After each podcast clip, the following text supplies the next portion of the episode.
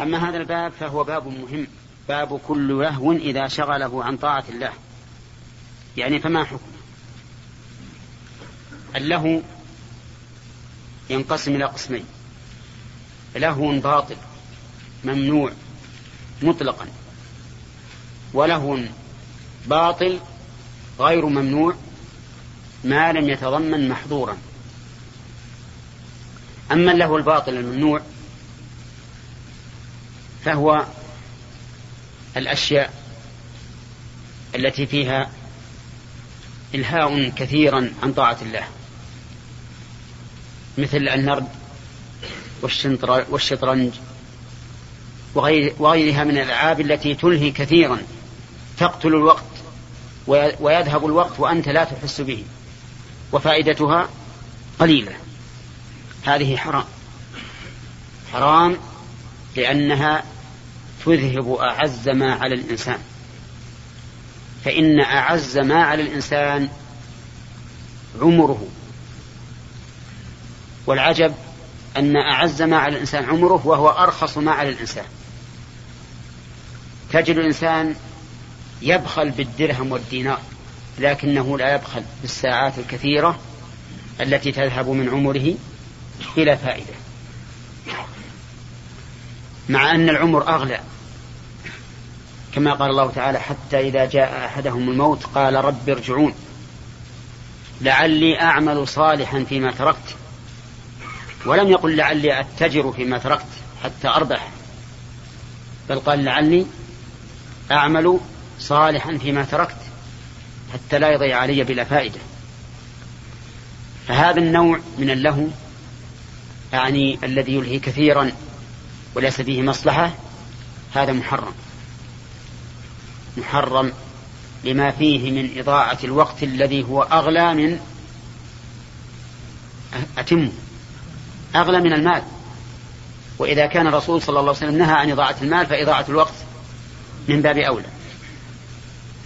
الثاني له له باطل يعني ما فيه نفع ولا خير فهذا جائز للترويح عن النفس ولكنه بشرط أن لا يتضمن محرما أو ترك واجب. مثل المسابقة على الأقدام المصارعة اللعب بالكورة في القدم وما أشبه ذلك من الأشياء التي فيها مصلحة وفيها إلهاء وفيها إجمام للنفس ولا تلهي كثيرا فهذه نقول بجوازها بشرط ألا تلهي عن واجب أو توقع في محرم. فإن ألهت عن واجب صارت حراما.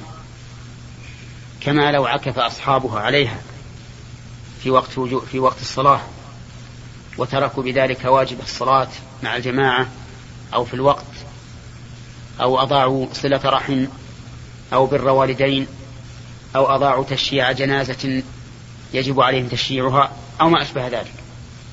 فهذا حرام لأنه ألهى عن إيش؟ عن واجب.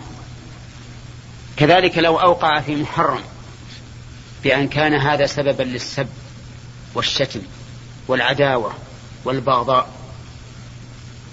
وفي لعب الكرة كما لو أدى إلى كشف الأفخاذ فإن هذا يكون حراما لا لذاته ولكن لما صحبه من الشيء المحرم. وقد رأينا بعض صور اللاعبين. نسأل الله لنا ولهم الهداية.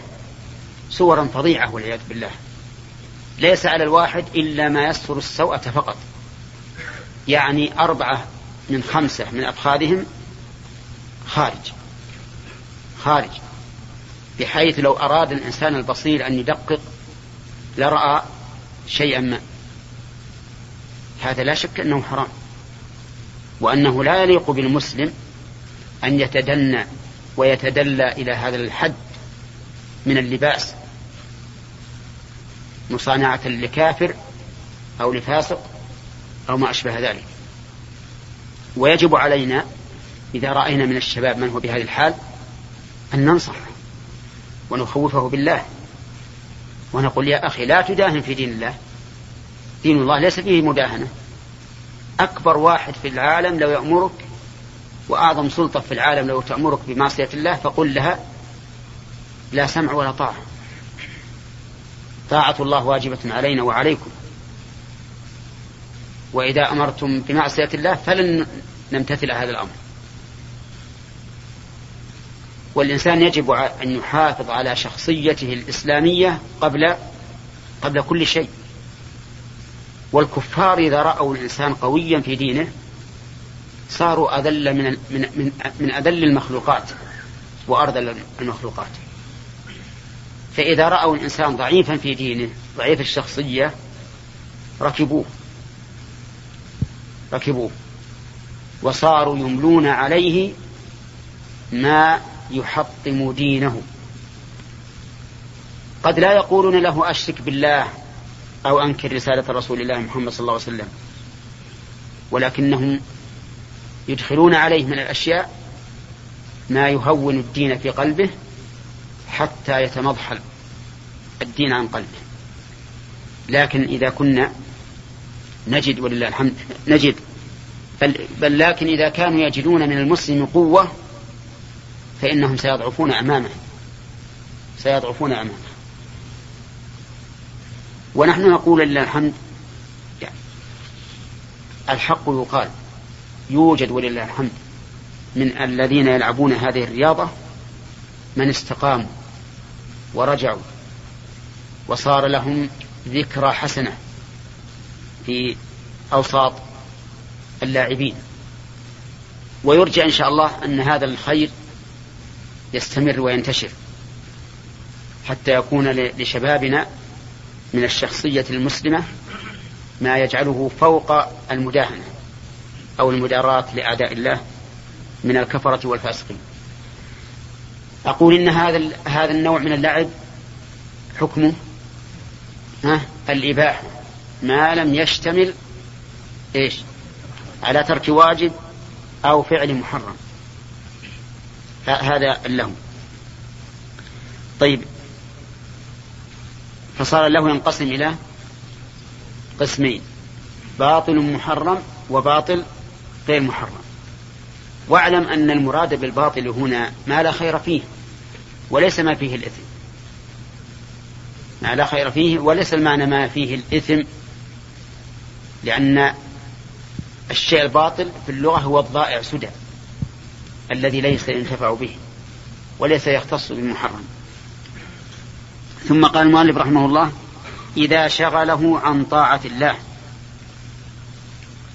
طاعة الله عز وجل إما واجبة يعني إما في شيء واجب وإما في شيء مستحب.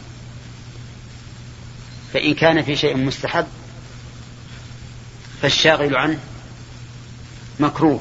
وإن كان في شيء واجب فالشاغل عنه حرام. ثم اعلم أنه في هذا الباب يرخص للصغار ما لا يرخص للكبار. كما قال الشيخ الإسلام ابن تيمية رحمه الله.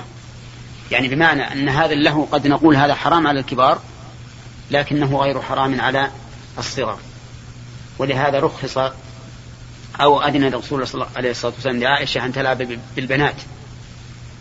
لما في ذلك من السرور للصبي وإزالة الانطواء عليه.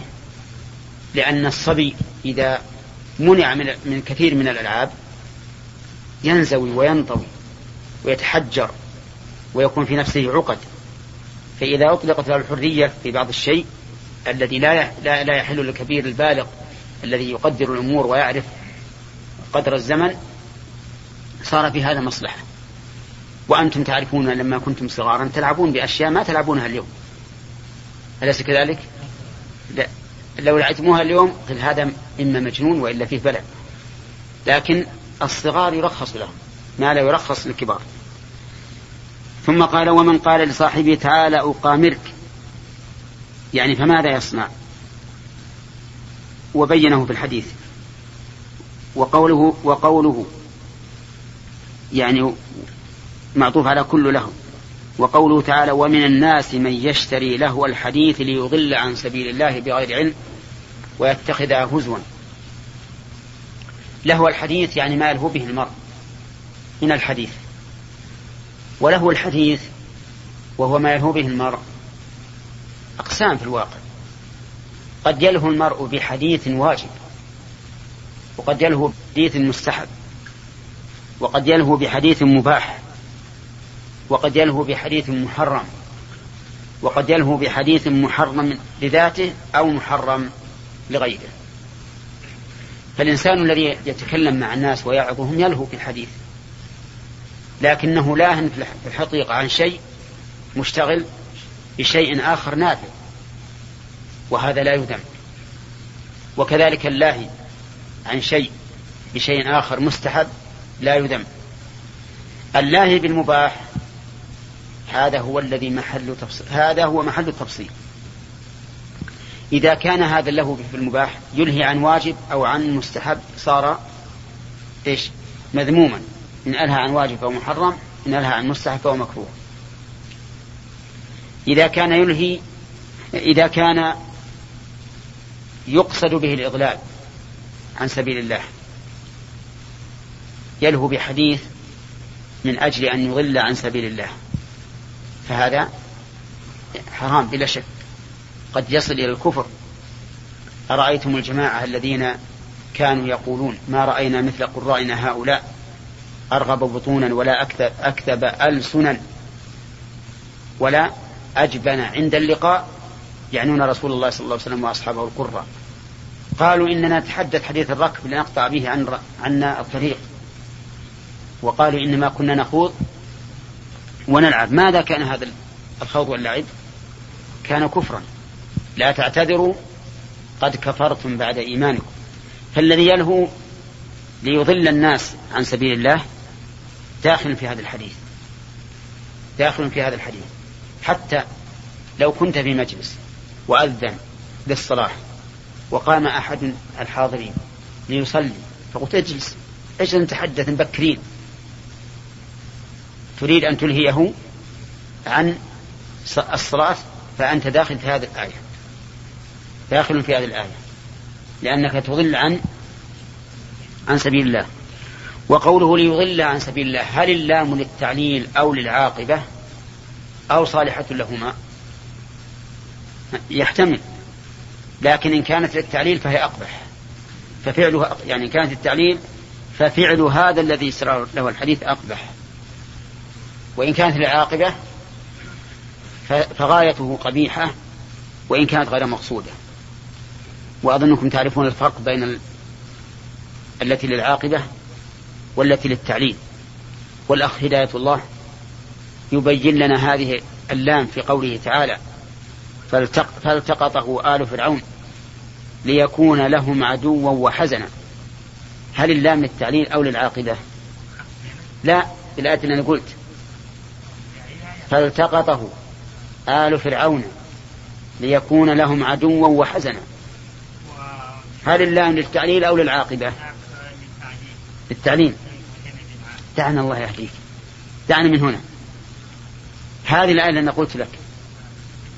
فالتقطه آل فرعون ليكون لهم عدوا وحزنا. هل هي للتعليل أو للعاقبة؟ ها؟ للعاقبة. لماذا لا تكون للتعليل يعني تعليل ما يعني لماذا لا تكون للتعليل كيف تقول العاقبة يعني طيب لماذا لا تكون للتعليل طيب الأخ. ها؟ ما تعرف. طيب. إمداد الله؟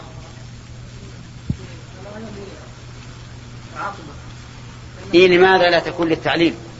لأنه هو ما ترك موسى عليه السلام ولم يقتله يقول له عدوا وحدنا وإنما صارت عاقبته أنه فيما بعد عندما صار رسولا وكفر به صار له عدوا وحدنا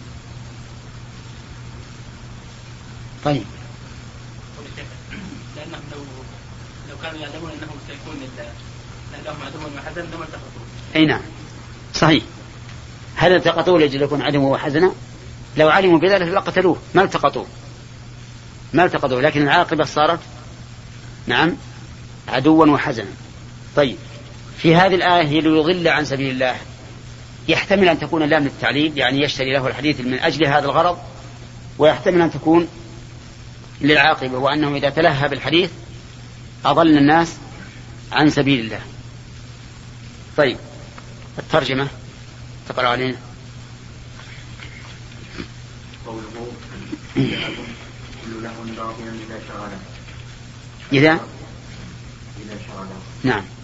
أي شغل الله به عن طاعة الله أي أي كمن النهي أي كمن النهي بشيء من الأشياء مطلقا سواء كان مأذونا في فعله أو منهيا عنه كما اشتغل بصلاة النافلة وبتلاوة أو ذكر أو تفكر في معاني القرآن مثلا. حتى خرج وقت الصلاة المفروضة عمدا فإنه يدخل تحت هذا الضابط وإن كان في الأشياء المراغب فيها المراغب فيها المطلوب فعلها فكيف حال ما دونها وأول هذه الترجمة لفظ حديث أخرجه أخرجه أحمد والأربعة وصححه ابن خزيمة والحاكم.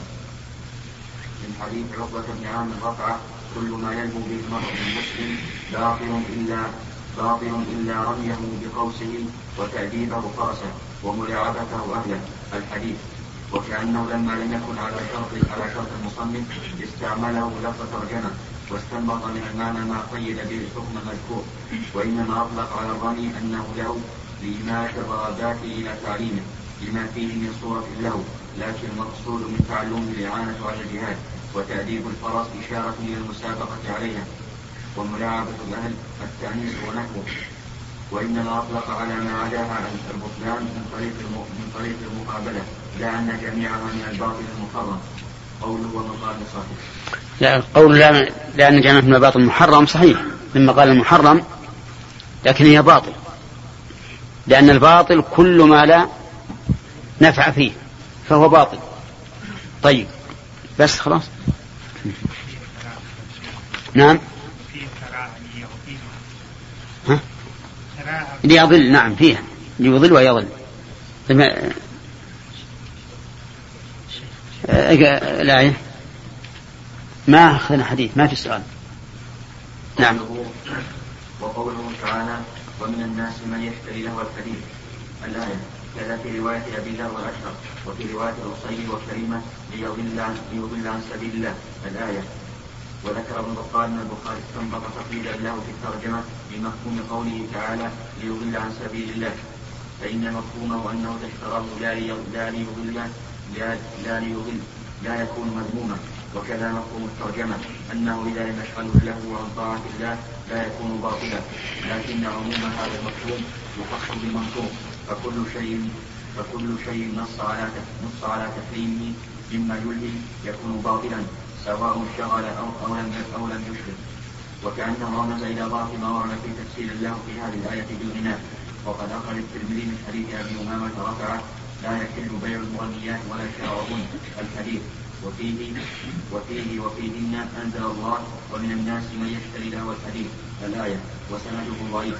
وأخرج الطبراني عن ابن مسعود موقوفا أنه فسر الله في هذه الآية الغناء وفي سنده ضعف أيضا. ثم أورد حديث أبي هريرة وفيه ومن قال لصاحبه تعالى وقال الحديث. وأشار بذلك إلى أنه ثمار من جملة اللهو ومن دعا إليه دعا إلى المعصية. فلذلك أمر بالتصدق ليكفر عنه تلك المعصية لأن من دعا إلى معصية وقع بدعائه إليها بمعصية. وقال الكرماني وجه تعلق هذا كلمة الترجمة والترجمة بالاستئذان أن الداعي إلى القمار لا ينبغي أن يؤذن له في دخول المنزل. ثم لكونه يتضمن اجتماع الناس ومناسبة بقية حديث الباب الترجمة أن الحلف بالله له يشغل عن الحق يشغل عن الحق بالقلب فهو باطل انتهى ويحتمل أن تكون ويحتمل أن يكون. لما قدم ترجمة ترك ترجمة ترك السلام على من اقترف ذنبا أشار إلى أن ترك الإذن لمن يشتغل بالله عن الطاعة. وقد تقدم شرح حديث الباب في تفسير السورة والنجم قال مسلم في صحيحه بعد أخرج هذا الحديث هذا الحرف تعالى وقامل لا يوجه أحد إلا الزهري وللزهري له تسعين حرفا لا يشاركه فيها غيره. عن النبي صلى الله عليه وسلم بنسبه زكيات قلت وإنما قيل التفرد بقوله تعالى وقامل لأن لبقية الحديث الشاهد من حديث سعد بن أبي وقاص. يستفاد منه يستفاد منه سبب حديث أبي هريرة. ويستفاد منه سبب حديث أبي هريرة أخرجه النسائي بسند بسند قوي. قال كنا حديث عهد عهد بجاهلية. فحلفت بالله والعزى فذكرت ذلك لرسول الله. بالله ولا باللاتي؟ فحلفت بالله والعزى. فذكرت ذلك لرسول الله صلى الله عليه وسلم. فقلت فقال قل لا إله إلا الله وحده لا شريك له. له الملك وله الحمد وهو على كل شيء قدير.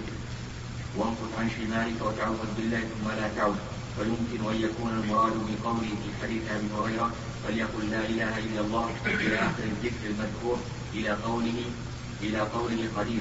ويحتمل الاكتفاء بلا إله إلا الله لأنها كلمة التوحيد والزيادة المذكورة في حديث سعد تاكيد. بسم الله الرحمن الرحيم.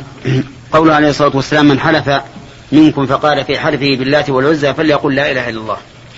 اللات والعزى هذان صنمان تعبدهما قريش. قال الله تعالى أفرأيتم اللات والعزى ومناة الثالثة الأخرى؟ يعني ما شأنها وما عظمتها بالنسبة إلى عظمة الله عز وجل وأنتم تعبدونها مع الله. فإذا قال الإنسان باللات والعزى فقد أقسم بهذه الأصنام. والحلف بغير الله شرك. قد يكون أكبر وقد يكون أصغر. وإذا كان بوثن أو صنم يعبد صار أقبح وأقبح. لكن هذا الشرك أمر النبي صلى الله عليه وسلم بمداواته بضده. فقال فليقل لا إله إلا الله. وهكذا الأدواء إنما تعالج بضدها الحسية والمعنوية. فالشرك دواؤه إيش؟ التوحيد. ولهذا قال فليقل لا إله إلا الله. وهو إذا قال لا إله إلا الله فلن يحلف بالله والعزى لأن الحلف تعظيم للمحلوف. به ولهذا كان شركا. ومن قال تعال أقامرك فليقل لا إله إلا الله لأن المقامرة نعم فليتصدق لأن المقامرة أكل للمال بالباطل والصدقة ضدها. ولهذا أمره أن يتصدق ليداوي هذه هذه السيئة بضدها. وهذا يشبه قول الله تعالى وما آتيتم من ربا ليربو في أموال الناس فلا يربو عند الله لأنه لا يقبل وما آتيتم من زكاة تريدون وجه الله فأولئك هم المضعفون أي الفاعلون لما به التضعيف فالحاصل أن الإنسان يداوي المعصية بضدها فيداوي الشرك بالتوحيد ويداوي القمار بماذا؟ بالصدقة ما هو القمار؟ القمار كل معاملة مبنية على المبالغة على المغالبة. كل معاملة مبنية على المغالبة فهي قمار بحيث يكون الإنسان فيها إما غانما وإما غارما وكلها حرام داخلة في الميسر. والناس اليوم